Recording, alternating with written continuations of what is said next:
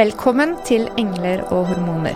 Inspiration och ny kunskap om hälsa, självutveckling och livsstil.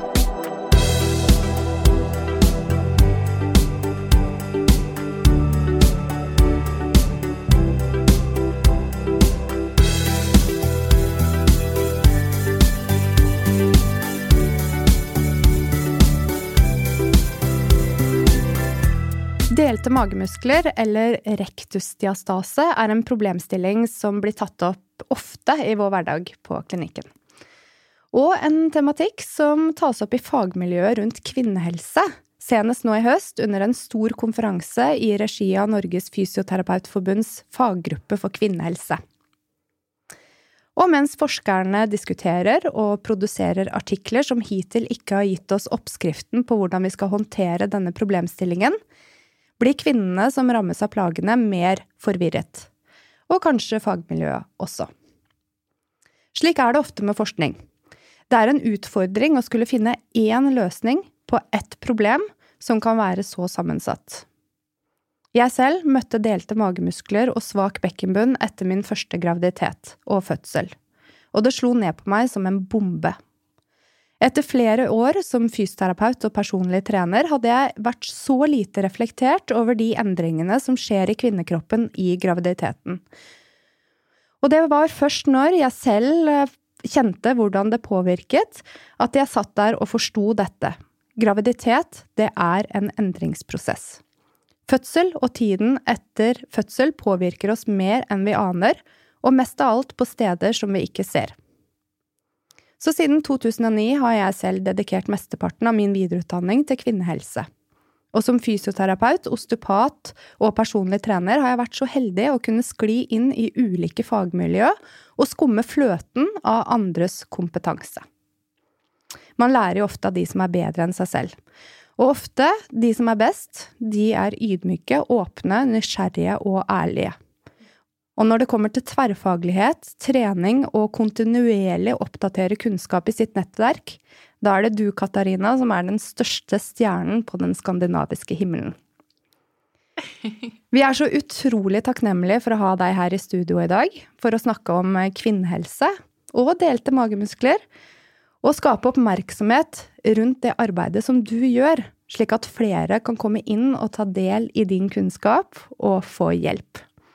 Hjärtligt välkommen Katarina Voxnerud. Tusen tack, vilken fin inledelse, verkligen. Jag blir helt stum här. Ja. Jag blir rørt, jeg, Mona. Ja. Selv jeg som har lest igjennom den tidligere. Helt fantastisk.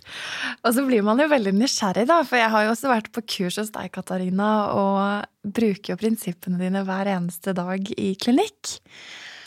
Og da blir man litt nysgjerrig. Ok, hvem er egentlig Katarina Voxnerud, gründeren bak Mamma Mage og naprapat? Mm. Jag eh, bor i Stockholm. Eh, har precis fyllt 50 år, vilket är väldigt konstig upplevelse tycker jag själv. Då. Grattis! Eh, ja, tack så jättemycket, det känns väldigt bra, även om det känns overkligt samtidigt. Mm. Eh, och eh, jag har två barn, de är nu 13 och 15 år gamla. Och eh, det var som du berättar Mona också för mig, att det var först när jag blev gravid och efter barnens födelse som jag började reflektera över på riktigt vad som egentligen händer i kroppen under graviditeten och efteråt. Mm. Uh, och jag är som sagt naprapat och, och jobbat med utbildning och försöka få ut information under hela min aktiva yrkesverksamhet som nu är över 30 år. Mm. Eh, I alla olika former. Och sen har det blivit väldigt mycket just in mot kvinnors hälsa. Bland annat då mycket med kring graviditet och förlossning och rektusdiastaser och mammamage, som det heter. Mm. Vad är historien bak mammamage, Katarina? Hur uppstod detta? Ja, det uppstod när jag först då var gravid själv med nu 15-åringen. Eh, då började jag titta efter litteratur som var skriven på svenska. Att vad händer i kroppen när man är gravid under, under svangerskapet? Och, och hur påverkar det möjligheten till motion och träning? Och då fanns ingenting skrivet alls på svenska. Så att, eh, då började jag titta mot USA och Tyskland och läsa och sammanställa och sammanfatta och skrev en bok då. Den heter Mamma motion, kom ut 2005. Eh, och sen har då svenska läkare och obstetriker och alla som tittar igenom det fackliga kunskapsnivån och sånt, att det stämmer för Sverige också. Och då var det liksom fokus på själva graviditeten, eh, träningen då. Mm. Och sen efter så blev funderingen på att, ja, men efter då, hur, kan man, hur kommer man igång egentligen? Och varför, varför finns det inga rekommendationer? Det finns ju de som vet och kan väldigt mycket, men jag som ändå på något vis jobbar som både tränare och som terapeut, jag känner mig väldigt ovetande själv. Eh, och där föddes ju idén då att med frågorna, just att vad, hur kan man komma tillbaka, hur gör man? Hur tänker man i andra återgång efter till exempel ryggont eller diskbråck eller knäoperationer. Hur gör man då? Mm. Och då, sen så föddes då tanken bakom att, eh, en, ett sätt att återträna, mycket bäckenbotten, kontrollen i, i bålen just och sen med andning. Og så akkurat dette her med bålen. Dette, det er, du er jo svensk, svensk Katarina. Språk. hvis vi ikke har hørt det, Ja. hørt det før, Ja. så er det jo Ja, det. bålen, bålen Bål, det är magen och ryggen och exakt, jag vet inte vad det heter på core kanske, kärnan. Ja, kärnmuskulatur. Ja. Ja, kärnmuskulaturen. Ja. Så där, och, då, och sen var ju då som frågat hur når jag ut enklast med det här? Då tänkte jag först en bok, kan ju, det var ju det jag hade gjort. Då hade jag väl, nu har jag publicerat 19 böcker hittills, men jag vet inte vilken jag, nummer jag låg på då. Men då var det en kompis som sa, så, men en app då, är inte det kul? Ja, tänkte jag. Vara kul.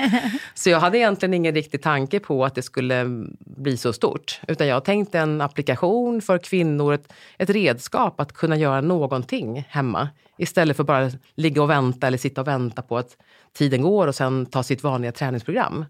Så att där föddes då idén till att eh, nå ut på ett annorlunda sätt. Då, till kvinnan direkt i telefonen och sen kunna starta med någonting istället för att göra ingenting alls. Så du jo på mange måter ganske nytenkende. da, ikke sant? Bruker apper og virkelig søker informasjon og ønsker å få ut den informasjonen du lærer til ja, alle kvinner for å bedre sin helse. Hvordan syns du det har vært det å være ja, en helsegründer? Ja, ja, jag ser mig inte riktigt så själv. Eh, Men, men min synsätt är ju att eh, kunskap är ju... Jag försöker, all, jag försöker verkligen lära mig mer och bredda. Och mitt mål är att någon gång, kanske man är 80-85, kunna känna att men, det här kan jag, det här har jag kunskap om. För att ju mer man lär, desto mer vet man att man inte kan. Eller hur? Um, och sen samtidigt då att det som, man, det som jag lär mig, eh, kunskap, det är ju väldigt kul att ha själv. Men det gör ju ingen skillnad i världen om man inte får ut det till alla andra på något vis. Så där ser jag alltid sett en stor del med vidareutbildningar och jag hade den stora förmånen att få, eh, få stå värd för Diane Lee när hon kom första gången till Sverige och hålla sin kurs Women's Health nu i år. Eh, och att liksom förmedla, eftersom jag har gått kurs själv hos Diane Lee nio månader i Kanada, så fick jag möjligheten att få henne till Stockholm i tre dagar och förmedla vidare till mina kollegor och, och andra att vad, vad hennes kunskap står för. Och det, det, jag brinner för det, att liksom förmedla och få ut. Att inte bara hålla tillbaka själv. Og der, eh, fra appen din til du fikk Diane Lee hit, eh, så er det jo egentlig et veldig stort sprang. For det som har skjedd i mellomtiden, er jo at du kurser jo mange terapeuter og treningsprofesjonelle selv. Og det mm, som er et kurstilbud, som er Mammamage, er jo mer en terapeutisk opplæring til hvordan man skal møte kvinner, og hvordan man skal hjelpe de som har en utfordring. Eh, Ja. Er det da spesifikt denne delte magemuskelen som er eh, hovedfokuset? Nej, utan eh, jag kallar ju mamma mage. Det ordet eh, valde jag för jag även ville ha fokus på magen. Men det har ju alltid varit, handlar alltid om helheten. Det är ju bäckenbotten, magen, ryggen, andningen, eh, diafragman. Och framförallt på insidan, vad som händer på insidan av kroppen. Så eh, under kursen så mamma mage, certifierad mamma mage skulle jag hellre säga, börja kalla mer nu Women's Health. och att som man då, tränings, åt, återträning kan man då se på ett visst sätt. Men mycket av kursen handlar om vad sker inne i kroppen, kvinnokroppen, under graviditeten, svangerskapet, efter förlossningen och, och hur påverkar det eh, vårt sätt att kunna hantera kroppen själv. Vi kan jo se, starte med å se litt grann, kanskje på funksjonen til kjernemuskulaturen, og hvor viktig egentlig den er for Det er jo på mange måter grunnmuren vår. Mm. Bli stark inifrån och ut, det är det som är. Ja. Husker du forklarte så fint dette her, hvor viktig det er med kraftoverføring fra høyre til venstre, og hvordan det blir bare det å kunne bære opp sitt, eh, ta opp sitt nyfødte barn og, og, fungere sånn i hverdagen og føle seg litt sterk igjen. Mm. Och det tror jag är en jätteviktig del, precis som du säger, att den här första första dagarna återträning, hitta bäckenbottenmuskulatur och hitta kärnemuskulaturen. Eller hur? Ja. Djupa magmusklerna och, och få en känsla som du säger, så att men jag kan hålla ihop min egen kropp och jag kan bära mitt barn och jag fungerar hemma i vardagssysslorna. Det tror jag är en jätteviktig del. Mm. Och att eh, bara diastasen, bara bredden mellan magens muskler en diastas, det mäter man ju som bredden just mellan magmusklerna. Och det är ju en del utav helheten, tänker jag. Eh, och sen handlar det väldigt mycket, tror jag, också om mycket det som Diane Lee pratar just om, att koppla ihop kroppen. Koppla ihop höger och vänster kroppshalva, få bra kraftöverföring. Bäckenet ska man hålla, kunna hålla stabilitet och allting sånt. Så att, eh, det är det som även är viktigt. Fast det är svårt att mäta idag. Mm. Ja, för nettopp det er jo et typisk spørsmål som vi får av kvinnene på klinikken. Det er har jeg delte magemuskler? Mm. Det är jättemånga som kommer till min klinik. Jag har ju klinik i Stockholm och där är jättemånga som säger kan du mäta min diastas? Mm. Eller har jag delade magmuskler? Ja. Och eh, jag eh, säger att jag, jag går allt, jag försöker gå och vi försöker gå allt mer ifrån att prata om diastas. Mm. Eh, och man kan ju titta på och mäta bredden mellan magens muskler, det kan man ju göra, men mer för kanske se alla har ju olika förutsättningar också från början. Alla kanske inte har exakt samma, det här exakta måttet som står i böckerna. Mm. Um, och att man kanske mäter då förändring för sig själv.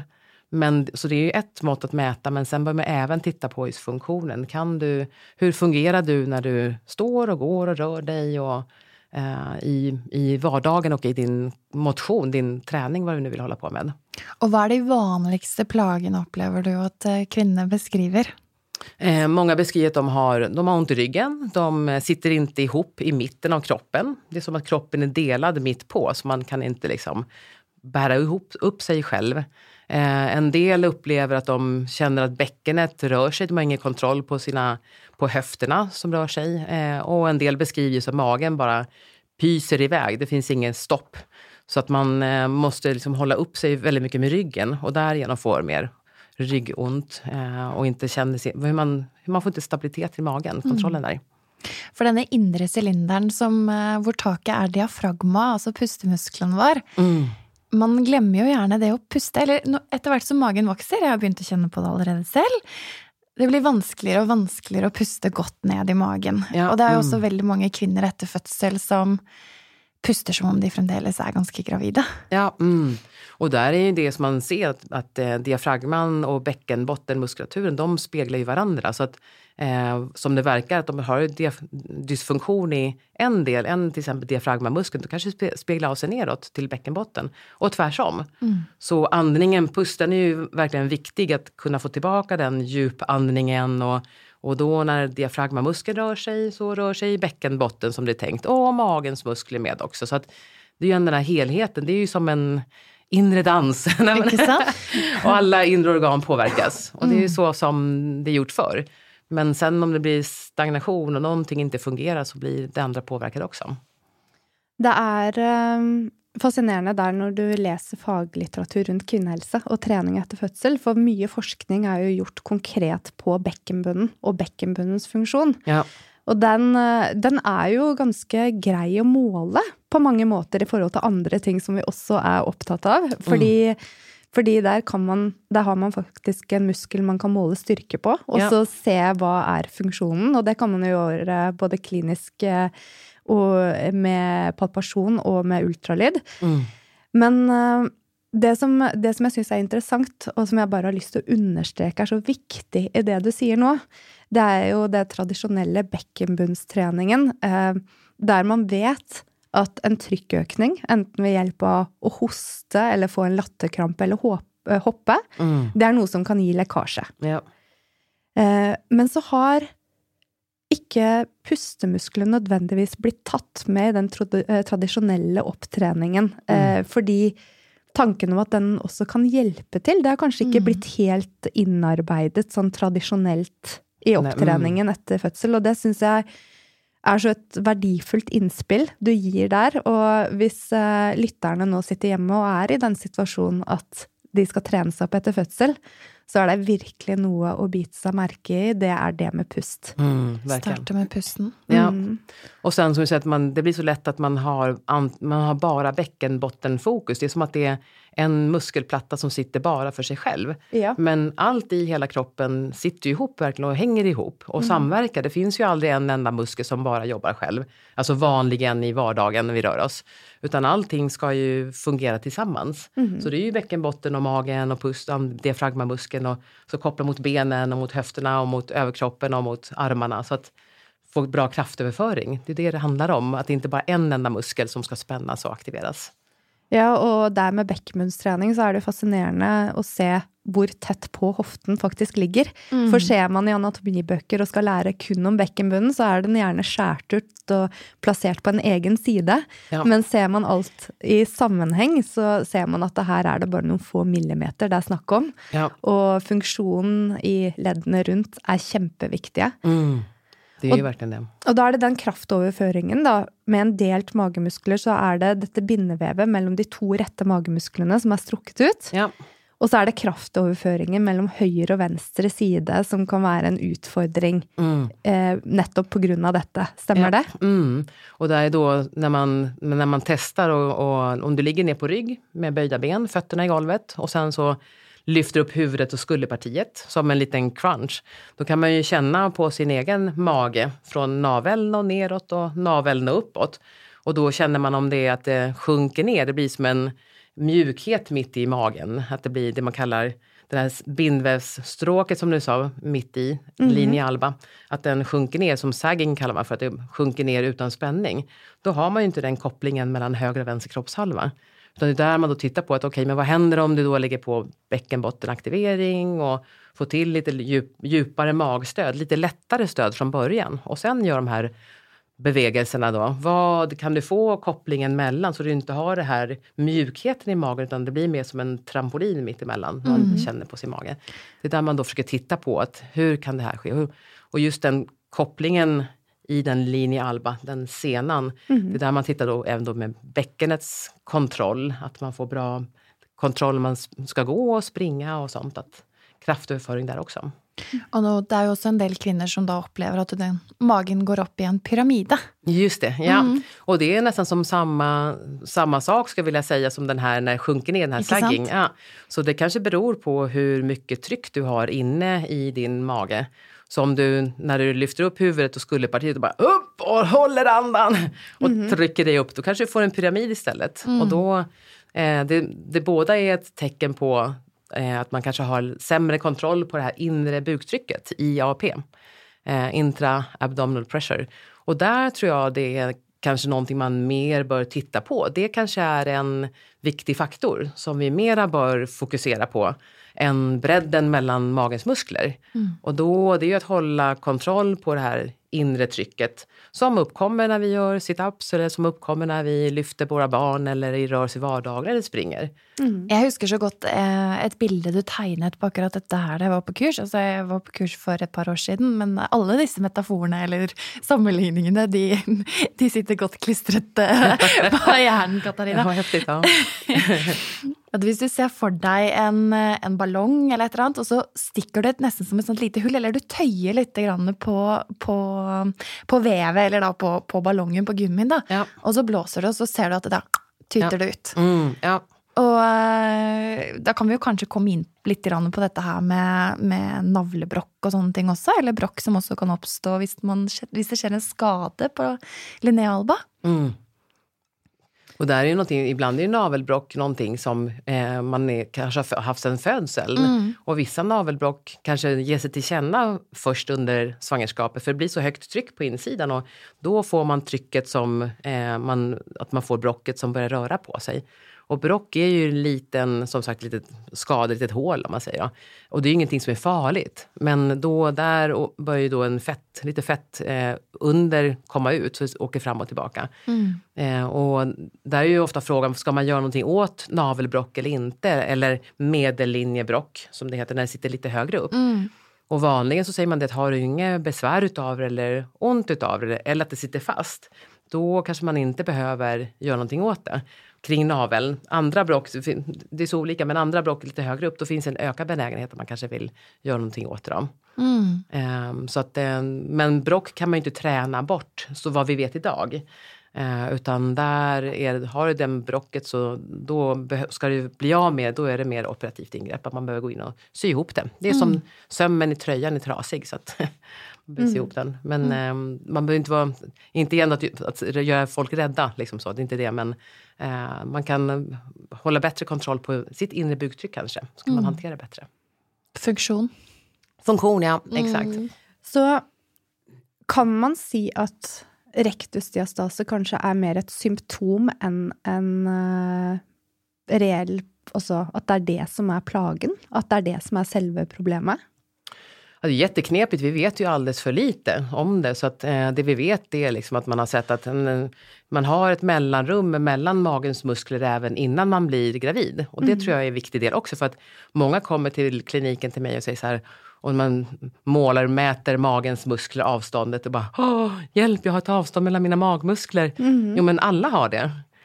Alltså, det är ju det som är det normala. Mm. Så titta på idrottare eller friidrottare som har lite underhudsfett. Mm. Där ser man ju tydligt magrutorna och mittemellan så är det ett avstånd. Det är den här linje alba. Det är det vi då pratar om, men hur bred den är, den här diastasen. Mm. Så alla har ett avstånd från början och sen så blir det eh, bredare under graviditeten, helt naturligt. Det ska ju vara att när barnet växer i magen så töjs ju magen ut och de raka magmusklerna längst fram de dras ju åt vardera sidan så att det blir ett större avstånd mellan dem. Sen är ju då frågan efteråt att hur kan man hantera det här efter just? Mm. Um, och där är ju som sagt, uh, vissa kan ha ju tre centimeter som man då brukar säga diastas många gånger är som en, det är därifrån och uppåt som man då mäter en diastas, kallar diastas. Mm. Um, och vissa kan ha tre centimeter och inte ha några problem. Mm. Medan andra kan ha tre centimeter och ha problem. Så där är det som man tittar på att det kanske inte är bara det här bredden mellan magens muskler, bara diastasen som är eh, problemet som du säger, utan mm. det är andra ting också. Mm. Och där är väl verkligen utmaningen att hur kan vi mäta det? Hur kan man, vad finns det för redskap att titta på och mäta det här? Det var ju som på kongressen vi var på där i, i Oslo, här i Oslo.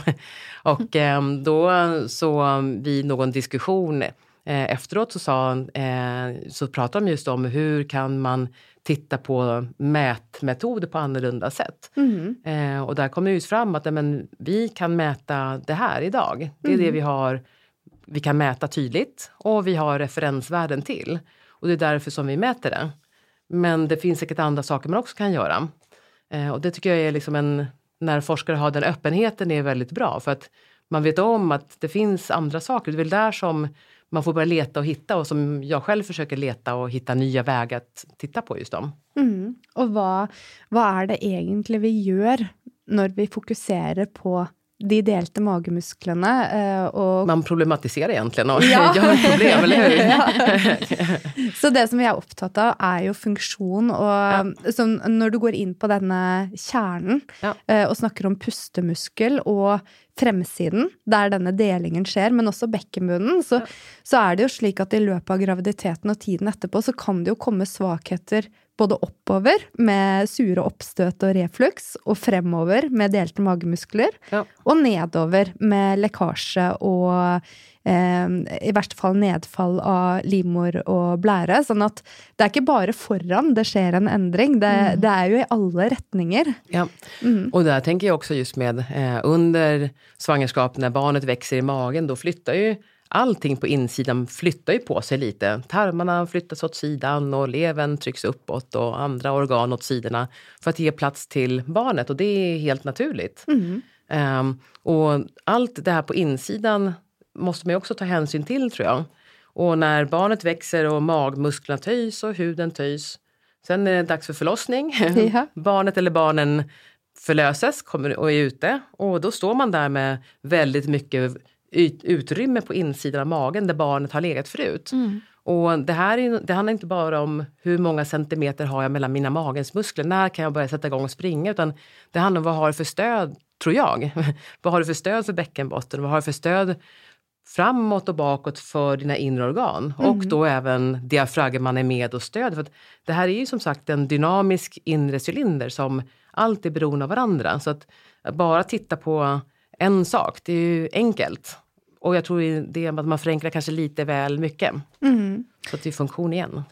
Och där eh, är det ju också ofta muskler vi fokuserar på när vi snackar om träning. Men bindevev är ju mm. också mer och mer inne i bildet både på internationella kongresser och i fagmiljö när det gäller vad vi kan påverka med bindevävet. Har du någon tanke runt hur viktigt det är? Ja, allting och där tror jag det är, nu är ju bindväv och fascia, det är ju det som man pratar som säger, väldigt, väldigt mycket om nu och det är jättebra att det verkligen uppmärksammas. Och jag tror att allting igen hänger samman och, och allt har kanske lika mycket värde på olika sätt bara. Och som du säger, att både bindväven och musklerna de samverkar och allting blir uttöjt även där. Mm. Och där är då frågan som man ställer sig, hur kan man då få bindväven, fascian, att återfå hållfasthet? Vad kan det liksom då påverka?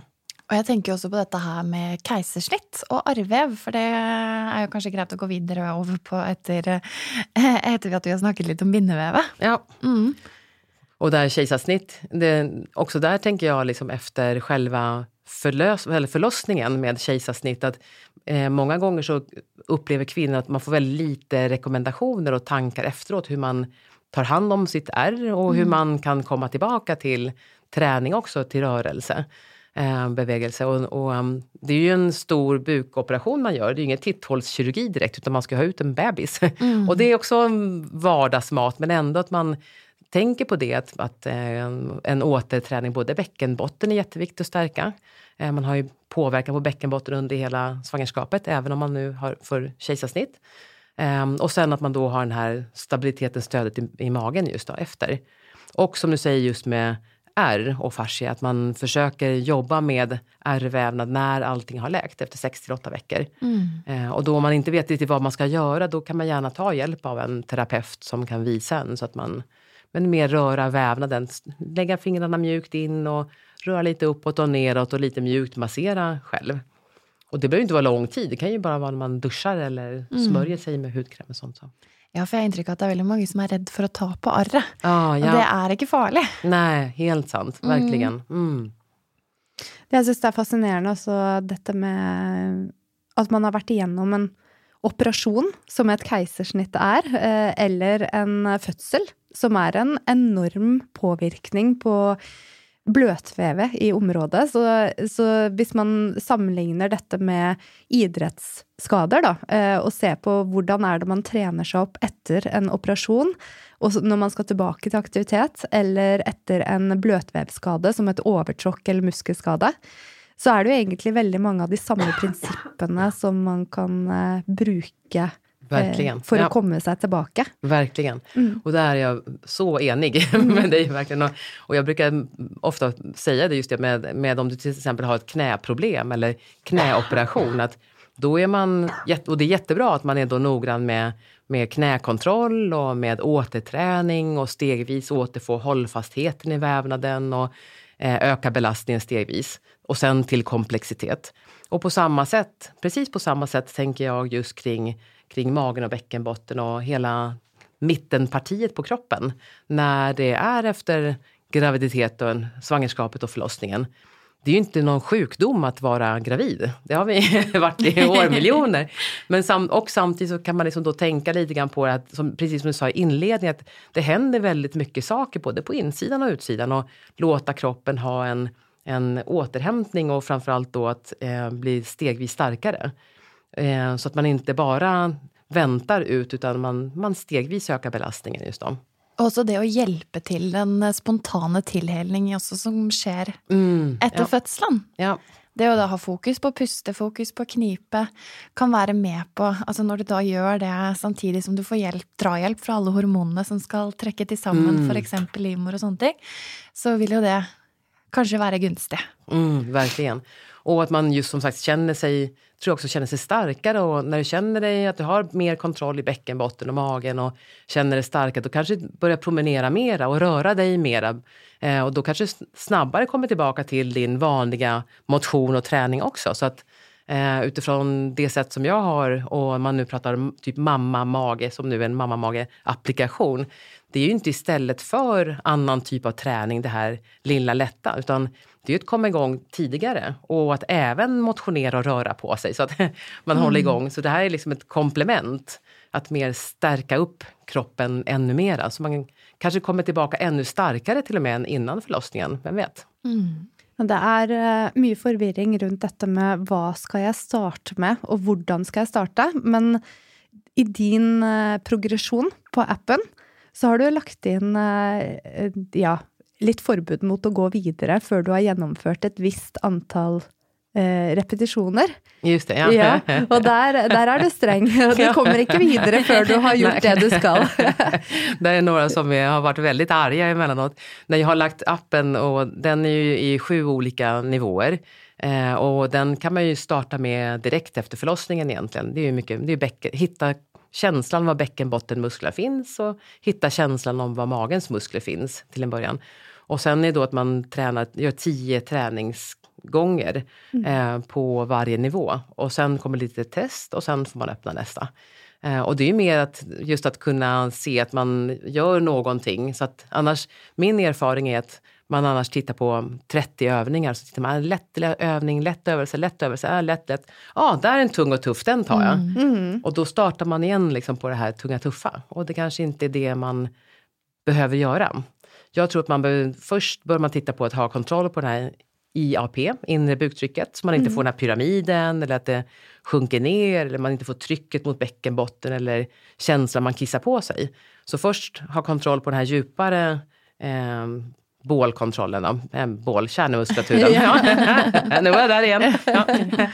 Eh, och sen kan man, ska man såklart komma igång med annan tyngre och tuffare belastning också. Så, men att starta där och sen gå vidare. Så man har liksom den här kontrollen, inte får massa oönskade rörelser med sig. Och vara nöje. Slik att man er ärlig mot sig själv och så genomföra med så gott man kan på disse övningarna för att ta de gradvisa stegen fremover. Det är så värdefullt. Mm, och att man inte behöver stressa så mycket. Ibland är det här att, att man tittar på, nu ska, sociala medier är jätteroligt och jättebra, det är jätteskoj. Eh, och, men ibland kan det bli att mm, kvinnor och mammor blir väldigt stressade upplever jag. Att man kommer, men där är en som springer efter, efter två veckor och, och här är 10 kilometers lopp och nu är det två månader efter förlossningen här. Och att man liksom måste komma igång så snabbt och snabbt komma tillbaka i sina vanliga kläder. Och det är väl jättebra att man är motiverad och vill. Men och samtidigt då ge sig lite grann tiden till att det har hänt en massa saker i kroppen och, och att på något vis lite nyfiket närma sig sin nya kropp, brukar jag prata om. Mm. Uh, för det är en ny kropp att relatera till. Det är mm. inte samma gamla Katarina som innan, innan graviditet och förlossning. Utan vad är det nu? Att, hur känns det nu? Var är min tyngdpunkt? Och hur, vad har jag för kontroll i min kropp nu? Och mm. utifrån det då se vad kan jag lägga till och hur kan jag komma tillbaka och vad vill jag göra nu? Kan man bruka en typ av fokusskala på dessa övningarna som är i mammamage för exempel? Ja, ja, jag tycker det är jättebra med en sån fokusskala att jobba och att man har som, som skala 0 till 10. Där 10 innebär att du kan inte tänka på någonting annat utom att ha den här kontrollen och andas, pust under tiden. Och, och när du då tränar med den övelsen tills du känner att ja, men, du ligger på 4 eller 5 det är ganska enkelt och du kan ha barnen omkring dig. Då är det dags egentligen för progression. Mm. Så egentligen är den stegen man kanske bör gå efter än de här tio gångerna i appen. Mm. så tio gånger satte jag bara upp för att ha någonting att gå efter. Men egentligen den fokusskalan som man kanske mer bör gå efter. Mm. För det gör ju att när du har lägre fokus, då ligger det mera per automatik, automatiserat. Och det är det vi vill någonstans, att det ska funka per automatik. Ingen ska ju behöva gå och tänka på att knipa bäckenbotten eller hålla magen och det ska man inte göra tror jag heller när du promenerar och när du springer. Så det ska funka automatiskt då. Så att det är det vi tränar till. Mm, det är så många som säger det att det, ah, men det är ju hjärnetrim detta här. Ja, och det är det. Ja. Mm. ja. det är helt rätt. Då är det en stor guldstjärna. ja. Och sen tänkte jag när vi pratade bäckenbotten också att, att eh, likväl som att, att spänna och knipa så är det ju att man slappnar av också mittemellan. Att det handlar inte bara om att spänna och öka spänningsgrad utan både precis som alla andra muskler i kroppen spänner och så slappnar man av och känner avslappningen och så spänner man och hittar liksom den känslan där mittemellan och stärker musklerna på så sätt. Hur valde du ut övelse, Katarina? Till appen? Ja, hur vet du hvor, hur visste du var du skulle starta? Eh, jag tittar mycket på vad som har funkat, fungerat till olika kvinnor som jag träffat genom alla år med när jag har tränat och på kliniken och sånt. Och, sen har jag ändrat i app, appen också under de här åren. Mm. Applikationen kom ut 2013 och, och då var den ju annorlunda. Eh, då var det lite huvudlyft, typ crunch från, i första nivån. Mm. Eh, därför att det var ju någonting som man tittar mycket på, att det här bör man kunna. Men eftersom många har svårt, eller upplevde jag det svårt med att hålla det här eh, inre buktrycket, eh, mm. IAP. Så då la jag den senare appen. Så det här ändras ju, det, den ändras ju också allt eftersom man ser vad kvinnor klarar av. Mm. Men tanken där är att starta där man kanske lättast hittar kontrollen och sen få progressionen öka på i olika positioner. Ja, för du börjar eh, ganske rolig med ryggliggende og mageliggende og sideliggende. Ja. Eh, som, som kanskje ikke gir den store utfordringer som en øvelse i stående eller med mm. vekt vil gjøre. Um, så i forskning, eh, et av de seneste studiene som er publisert, så kom det jo faktisk med et treningsprogram som ble brukt til å vise at kjernetrening ikke hjalp fordelte magemuskler. Nei, mm. Og der, der, var jo eh, øvelsene i litt mer utfordrende posisjoner. Tror du at det har noe å si for hvordan vi påvirker funksjonen og delte magemuskler, hvor man starter i forhold til belastning?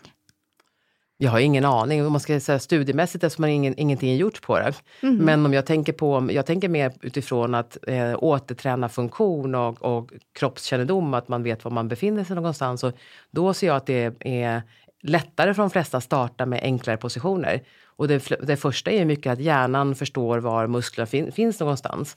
Eh, och den, det upplever jag att man hittar många gånger när man mer ligger ner till exempel mm. på, på golvet. Då är det lättare för hjärnan att fokusera på bäckenbotten, på magen och förstå var det, var det finns någonstans. Mm. Och, eh, och, det är det som jag är ute efter mer på de här första stegen. Sen om det är bättre eller sämre än andra sätt att återträna eller om det hjälper, det har jag inga studier på än så länge.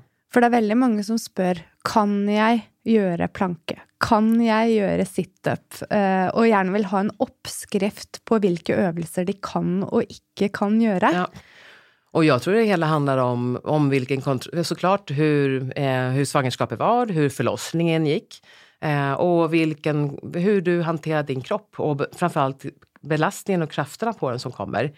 Eh, och jag tycker det är väldigt intressant det du säger just med sit-ups till exempel för att när jag är, är, föreläser lite grann i Tyskland också och eh, där är det många bäckenbottenspecialister som väldigt tydligt säger att sit-ups, det ska man inte göra som kvinna och framförallt inte om man har fött barn. Mm. För det ger i princip alltid för, för stort tryck mot bäckenbotten. Att man, det är någonting man und, ska undvika. Medan då vi i skandinaviska länder ser att men det är inget problem, bara du har kontroll. Att du inte kanske då får trycket mot bäckenbottenmuskulaturen eller den här pyramiden. Just då. Så att, um, det är olika i olika länder och kulturer. Jeg så et studie en tid tilbake, nå husker jeg ikke referansen, men der målte de intra-abdominal pressure i ulike øvelser. Og hvis jeg ikke husker feil, så var det downward facing dog fra yoga som var en av de som ga mest belastning på trykk. ja. Og det er jo noe som man gjerne tenker er ja, litt snilt, da, mm, å ja. gjøre yoga. Men, men, det kan være litt overraskende. Så, så det er kontroll, da, som er viktig.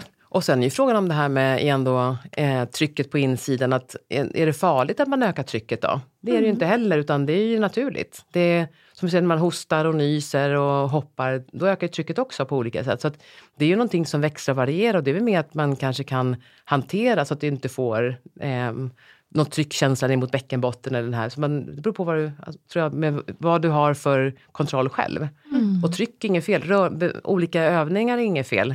Um, rörelser är inget fel, utan det handlar väl mer individuellt vad du kan göra. Mm. Jag tänkte att jag skulle bara hoppa lite tillbaka till det vi snackade om i stad, ja, om var man ska börja och øvelser. För det, väldigt många är jo vant til å kanskje gjøre øvelser i ryggläge, men syns då det är svårt att finna eh, finne den kontrollen. At det kan være smart å f.eks. ligge over på en side hvor man ikke er vant til å knipe, eller ikke er vant til å Så at man slipper og går unna disse kompensatoriske mekanismene som man har tillært seg. Mm.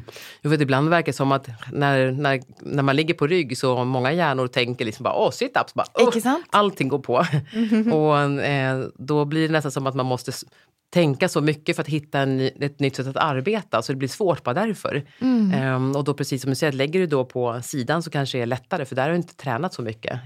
Och sen även när du ligger ner på rygg, då alla inre organ sjunker ner mot, mot golvet, mot ryggen till. Och då kan det ibland vara knepigare för hjärnan att hitta anspänning i muskulaturen också. Så ibland är det lättare när man ligger på sidan och har litet, liten förspänning i fascian och muskulaturen när du ligger på sidan. Att då hitta den här lite grundspänningen i kroppen. Mm. Eh, så att prova som sagt i olika positioner. Och bara för att du klarar det i en position så behöver du inte klara det någon annan. Utan det är väldigt positionsberoende. Och sen alltid gå tillbaka till att vad är det som jag vill kunna för någonting? Vad ska jag kunna hantera? Är det, vill jag komma tillbaka till att simma eller är det springa? Eller vad vill jag kunna? Då ska jag kunna träna mig upp till det så att jag har kontrollen där. Det är det mm. viktigaste. Mm. Ja, detta med bäckenbunn är ju ofta kanske lite vanskligt för folk att få tag i, för man ser ju faktiskt inte musklerna. Och det som jag upplever på kliniken, är ju ofta att uh, man ser i graviditeten mellan uke 21 och 25 att uh, bekkenbunnen endrer hvordan den jobber. At man får såpass stort nedpress fra tyngden fra livmor at, uh, at man får ikke en sånn sammentrekning og et løft lenger, hvis man ikke er veldig bevisst på teknikken, men at den begynner å presse ned eller wear down, mm. uh, og at man da kanskje begynner å få litt lekkasjer, uh, og at man beholder den teknikken till efter födsel. Då. Mm. Och där tror jag det är jätteviktigt, det som du säger, framförallt att man då, egentligen skulle man vilja att, att man vet innan man blir gravid. Mm. att man då börjar förstå hur bäckenbotten fungerar och magen mm. fungerar, liksom, och hela kroppen och andningen. För då har du ju bättre förutsättningar, tror jag, efteråt. Mm. Um, det är ungefär tror jag, som du någon gång har lärt dig att cykla, så då är det mycket lättare att hitta tillbaka efteråt. Um, och det är ju en hel del kvinnor som också kommer efter förlossningen säger så här, men okej, okay, nu ska jag hitta bäckenbotten och magen och jag har aldrig hittat de här musklerna hela mitt liv hittills. Och nu står jag här och allt är uttöjt och, jag, och nu ska jag hitta kontrollen. Varför, varför var det ingen som sa varför det till sa jag ingenting det här förut, eller hur? Mm. Eh, och att då kunna ju starta under tidigt i graviditeten är fantastiskt. Och mm. egentligen ännu tidigare. Så man, och det är mer än bara en känsla, att hjärnan vet vad det här är. Och många gånger när man tittar är ju att 30 procent säger viss, vissa studier att, att eh, när du får instruktioner om bäckenbottenknipet att du jobbar med andra muskler. Mm. Du jobbar inte ens med bäckenbotten. Mm. Eh, och det är som att stå och göra tåhävningar och vänta på att armens muskler ska växa. Så ja. det händer ju liksom inte utan man behöver ju förstå och hitta. Mm. For hvilke vanligste, altså hvilke kompensasjoner er det vi vanligst gjør? Med bäckenbotten. Ja. Ehm, jag upplever att många, många, när jag tittar på med ultraljud, så är många krystar och trycker och pressar ner. Ehm, så man tar i och fyller magen med luft, nästan som man går på toaletten och trycker och krystar ner. Mm. Ehm, och det blir ju istället en utåtpressande funktion istället för den här lyfta uppåt och eh, aktiveringen då som man ska ha. Pick up the blueberry. Ja, det är så kul. Här, här i Norge pratar man mycket om att plocka blåbär. I Tyskland pratar man om att plocka körsbär. Ja. I Sverige plockar vi ingenting med snippan. Nej, med snippan. snippan ja. Det är ett väldigt hyggligare, det är ett väldigt hygglig, hygglig ord på svenska. Ja, det var faktiskt en, nästan en ordtävling tror jag det att man letar efter ett svenskt ord, ett nytt ord att kalla det kvinnliga könsorganet för. Mm. För, för, för män kallar man ju snopp eller för barn. Och vad ska det heta för tjejer då? Liksom ja. så. Och då kom man på snippan, så snopp och snippa. Snopp och snippa. Ja. Lite gulligt. Ja, ja mysigt. Ja. Men där är det ibland att också blir att man bäckenbotten tycker att man kanske har så låg relation till själv från början att man inte riktigt vet var det sitter eller man inte, nästan inte kan prata om det eller inte kan, man, är, man har ingen relation till sitt eget underliv om man kan säga som så. Mm. så sen efter förlossning och graviditet, så det, de här stora, det blir en uttöjning av strukturen. Och det kan vara svårt att hitta tillbaka till eller mycket smärta eller eh, om man får sy en del. Att det blir liksom som att man nästan stänger av området. Mm. Så jag tror det är jätteviktigt att man liksom kan prata om det och prata på ett enkelt sätt som terapeut och tränare också. Om, instruera om träning och aktivering och avslappning. Och liksom, det är ju muskler precis som precis som överallt annanstans i kroppen. Mm. För att de sitter nu på ett område som sägs vara tabubelagt. Inte sant? Så att man har det med sig. Ja. Jag tänker att uh, det är många som hör på den här som har varit i situationen att de är fött barn själv och blir nysgjerrig på appen och hur de kan träna sig upp. Men så sitter det också kanske någon fagpersoner som uh, som har lust till att möta kvinnor på klinik eller i träning med ett system där du kan, faktiskt kan förhålla dig till något för att planlägga träning efter födsel. Mm. Um, är det någon förutsättning med hälsobakgrund för att gå på kurserna dina, Katarina, eller vad är det som krävs för att bli en certifierad mammamagetränare? Eh, där har jag satt att, att vara eh, fysioterapeut eller naprapat eller ha någon utbildning, eller personlig tränare, men ha någon utbildning just om anatomin och fysiologin i kroppen. Så att man har redan man har grunderna och förstår hur kroppen fungerar. Mm. Eh, så det är förutsättningarna. Och eh, sen, jag gillar väldigt mycket den, att det blir så olika professioner som möts. Mm. Det är osteopater och fysioterapeuter och naprapater och kiropraktorer och eh, vad säger ni, barnmorska på, det är jordemor. Ja. Mm. och, så det, det, är en väldig blandning och personliga tränare. Så att, eh, och jag, jag, tycker det ger en väldigt fin eh, utbyte. Så att den ena kan se kroppen från ett sätt och den andra från ett annat och man kan liksom ge och ta från varandra. Um, så det är förutsättningen att man har kontroll, man vet anatomin och fysiologin. Så att, uh, sen är alla välkomna att gå. Uh, mm. Och då tittar vi mycket på som sagt vad på insidan av kroppen, vad händer i kroppen under graviditet och förlossning? Vad, vad vet man och vad säger forskningen och, och vad vet man inte och vad kan man anta? Eh, och sen utifrån det se då bara som ett, ett förslag på som sagt ett, en strategi att komma tillbaka. Och det är som jag brukar säga, det är ett sätt. Mammamage, det är, jag säger inte att det är rätt sätt eller det är det enda, men det är ett sätt. Man mm. kan prova om man vill. Och vill man inte behöver man inte. Det är verkligen så. Så det är ett sätt att enkelt komma igång och det är med, återfå kontrollen med känna var bäckenbotten sitter, känna var magen, stödet sitter och sen öka på och, eh, till mer komplexitet. Så det är det det handlar om. Och så är det ju då en eh, test ja. en examen mm. eh, før du får certifieringen. Så det är en viss kvalitetssikring da, av de som får lov til å være sertifiserte innen mammamage-konseptet. Ja, så du, två dagar går ju... Nu är det en hel del, eh, sen senaste året, då, en hel del instudering först. Mm. Så du studerar hemma med böcker och instuderingsfrågor. Och sen så är det kursen två dagar, 16 timmar. Och sen har du hemarbete 20 timmar när du träffar kvinnor och, och provar allting och börjar praktiskt arbeta med det här. Mm. Eh, minst 20 timmar. Eh, och sen så har du en examination på, på nätet där, vi då, där du har en patientfall som du redovisar och som vi då pratar och diskuterar till. Mm. Eh, och då, sen gäller certifieringen i två år och det är för att efter två år så behöver en uppdatering tror jag med vad som har hänt och vad pratar man om nu och hur ser det ut och en mer facklig påfyllning just dem. Mm. Um, så då, då har vi mer som uppdaterings på webben, två timmars uppdateringswebbinar och, och sådana bitar att man kan uh, hänga med på vad man pratar om nu då och hur det ser ut. Så man inte stagnerar och hamnar i sina gamla vanliga tankebanor bara. Ja, det är fort gjort. Ja, det är fort gjort. Ja. och så arrangerar du kliniska kurs med manuell behandling för de som är terapeuter. Ja, mm. så det är jag och en fysioterapeut eh, i Sverige som håller de manuell behandlingskurserna. Vad kan man göra under svangerskapet och efter förlossningen? Vad, vad bör man tänka på och när kan man göra vad manuellt? Mm. Och där är en del då även eh, extern bäckenbottenpalpation. Ja. Och även sådana vissa kurser har separat också med eh, extern palpation, bäckenbotten och allt för att försöka lära till att känna och förstå mer av kroppen. Mm.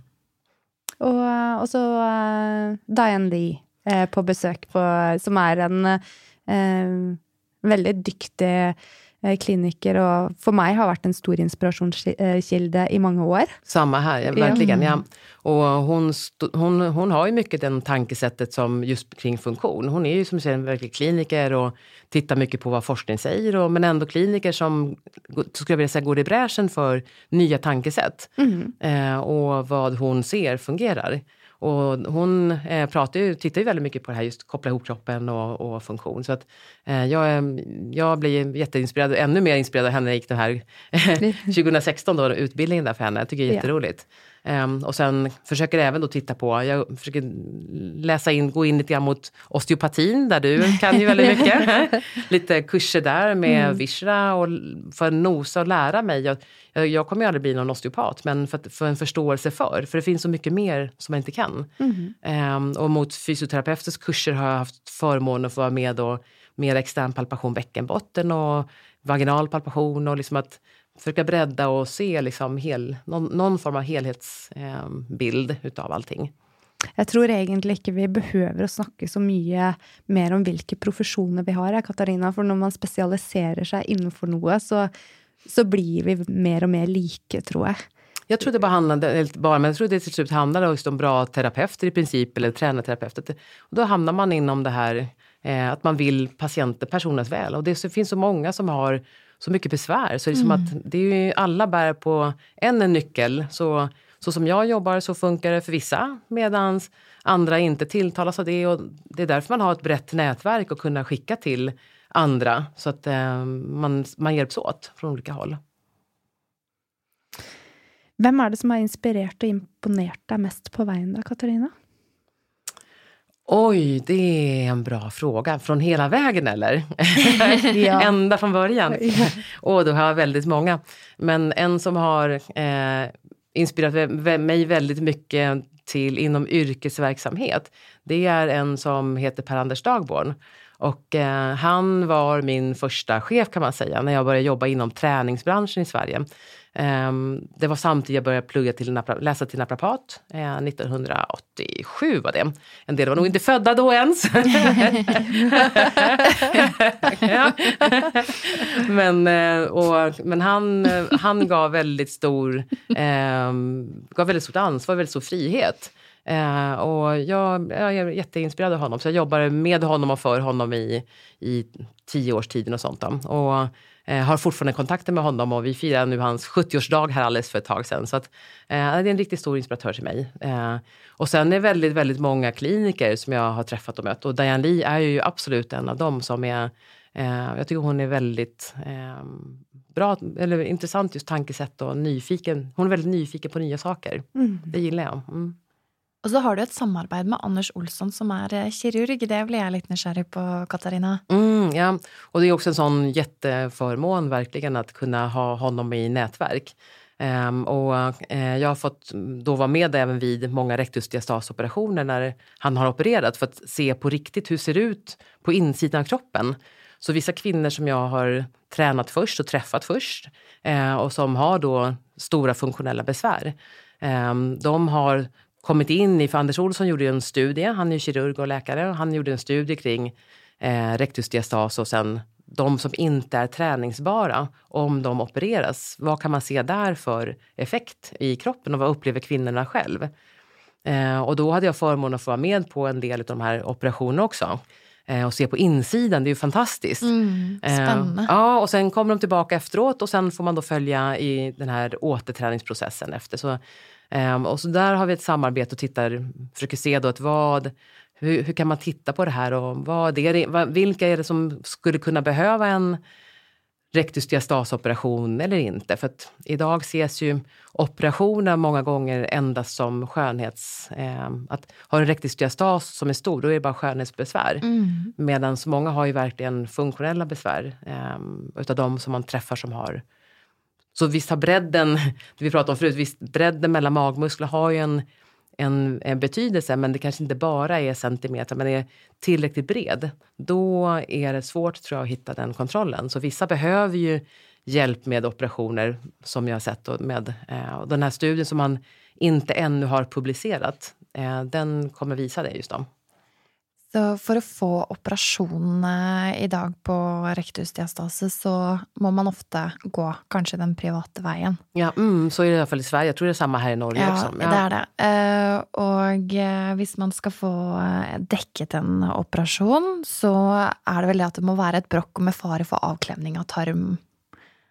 Er det Ja. ikke sånn, Mona? Jeg tror det stemmer. Ja. Det er veldig få som har operert eh, av mine pasienter på offentlig sykehus. De, Nei, ja. de velger da å gå Mm. privat. Eh, og der, eh, der var det også en diskusjon på denne konferansen. Hva, what is a surgical diastasis? Mm, Eh, og ja. hva ser vi på? Du snakket jo om bredden, men dybden er jo også noe som man måler. Er- Er det noe som, som du ser har noen innvirkning i større eller mindre grad? Jag tror den, för det man kallar just djupet, det är ju det här när man, eh, när man, ligger, och, när man ligger ner på rygg med böjda ben, fötterna i golvet och lyfter huvudet och skulderpartiet. Att man känner hur djupt ner man kommer med fingrarna. Om det är det här mjukheten i magen, att det är väldigt djupt ner man kan sjunka.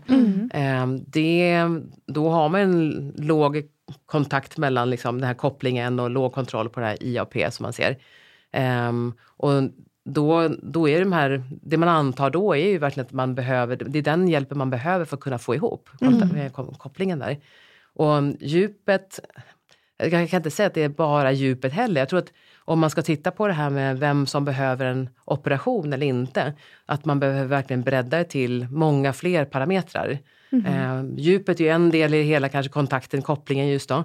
Eh, bredden är en. Eh, sen är ju också hur man fungerar i vardagen. Vilka funktionella besvär har man idag av att eh, bära matkassar och, och eh, röra sig i vardagen? Ehm, och sen tror jag man behöver hitta andra mätmetoder som jag, jag och vi letar lite grann på. Att vad kan man, vad kan man göra? Eh, och det tycker jag är spännande. Så där har vi så här lite mini-mini pilotprojekt på gång som vi... Ja, så spennende. Spennende. Ja, får vi se. Ja, få noe er det studie. egentlig vi måler, og hva er kvaliteten på vevet vi måler? Og Ja, ja, ja. Och det är därför det blir så lätt att ja, men vi tar bredden mellan magens muskler. Det är, man ser det tydligt och det är väldigt enkelt att lägga med ultraljud eller liksom att mäta och måla det där avståndet. Så att därför tror jag man tar bara därför. Jag tror, personligen så tror jag liksom det här med diastasen och bredden mellan magens muskler. Jag tror det är ungefär som vi tidigare ibland mätte om man var överviktig eller inte genom att bara mäta antal kilo. Man ställer folk på våg och säger du är överviktig och du är inte det. Men, och idag vet vi att det beror på även andra faktorer. Man behöver titta på kroppssammansättningen och hur mycket fettprocent som finns på kroppen och andra faktorer med. Så kilo är en sak i helheten. Och på samma sätt tror jag att det är med den här diastasen och bredden mellan magens muskler. Att det är en sak. Och sen finns det andra också. Och där är vi inte ännu framme med bra mätmetoder. Så det tror jag man behöver leta på och hitta. Nå løper tiden fra oss Ja. eh, her i studio. ja, er det noe som du har lyst til å si, Katarina, før vi runder av? Er det noe vi ikke har spurt deg om, som du syns er viktig å få med? Eh, det är ju med, med att, man, att verkligen den här stegvisa ökningen börjar i det lilla och enkla. Eh, när du vill återträna efter till exempel förlossningen. Hitta bäckenbotten, magen, starta i det och sen öka på stegvis. Så att man inte bara vilar och väntar och sen kör supertungt. Utan allting handlar tror jag om att den här åt, stegvisa återgången. Och på samma sätt, ofta får man ju frågan om när kan jag börja springa då, löpträna? Eh, och där är samma då, börja promenera och börja med raska promenader och powerwalks och back, gå i backar uppåt och lite långsamt ner och sen liksom låt kroppen stegvis komma tillbaka. Och allt beror ju på vad du har för kontroll. Och allt är ju sen individuellt i kroppen också. Så vill du, om du som applikation, appen, det är ju ett sätt att följa, det är ju ett samma, samma träningssätt för alla. Men det är ju ett sätt att kanske bli medveten om själv, att, ja, men hur det funkar egentligen, magen och bäckenbotten. Eller jag kanske inte hittar alls det här, vad ska jag göra? Och då gå och få hjälp. Sök till någon terapeut, vem det än må vara, men som kan hjälpa dig att, att eh, hjälpa dig med dina besvär eller problem eller att hitta kontrollen. Eh, för allting handlar ju om vad du klarar av och hur din förlossning gick och vad du, din kropp ser ut. Så allt det är ju individuellt, absolut. Bra. tusen hjertelig takk for at du har kommet helt fra Stockholm og hit eh, bare for å møte oss, Katarina. Ja, men det är ju självklart. Det är stor stas! det är vi supertacknämliga för. Jag är jättetacksam att jag fått inbjudan att få komma hit till er. Jätteroligt verkligen. Tusen tack. Bare hyggelig. det er en glede, og jeg tror eh, at mange kan få Mange flere kan fortsette å få god hjelp av den jobben som du har gjort. Så tusen takk eh, mm. på vegne av eh, oss terapeuter og på kvinner som får hjelp av den massive innsatsen du har gjort for å fremme kvinnehelse. Tusen takk. Takk. Hvis dere har lyst til å lære mer om hva Katarina kan bidra med, enten til deg som kvinne eller også til deg som terapeut, så kan du sjekke ut mammamage.se og mammamage.no for å få informasjon om kurs og applikationen applikasjonen som du kan bruke selv for å trene deg opp etter fødsel. Og under graviditet så finnes det også en egen app som heter Mamma gravid. Katarina har gitt ut många böcker, men hon har speciellt, med tanke på dagens tema, också gitt ut en bok som heter Mamma mage, som du kan beställa online. Och om du har lust till att ställa flere frågor så är hon väldigt raus till att möta dig via sociala medier, så lägg in en kommentar på hennes Instagram-profil mammamage.se.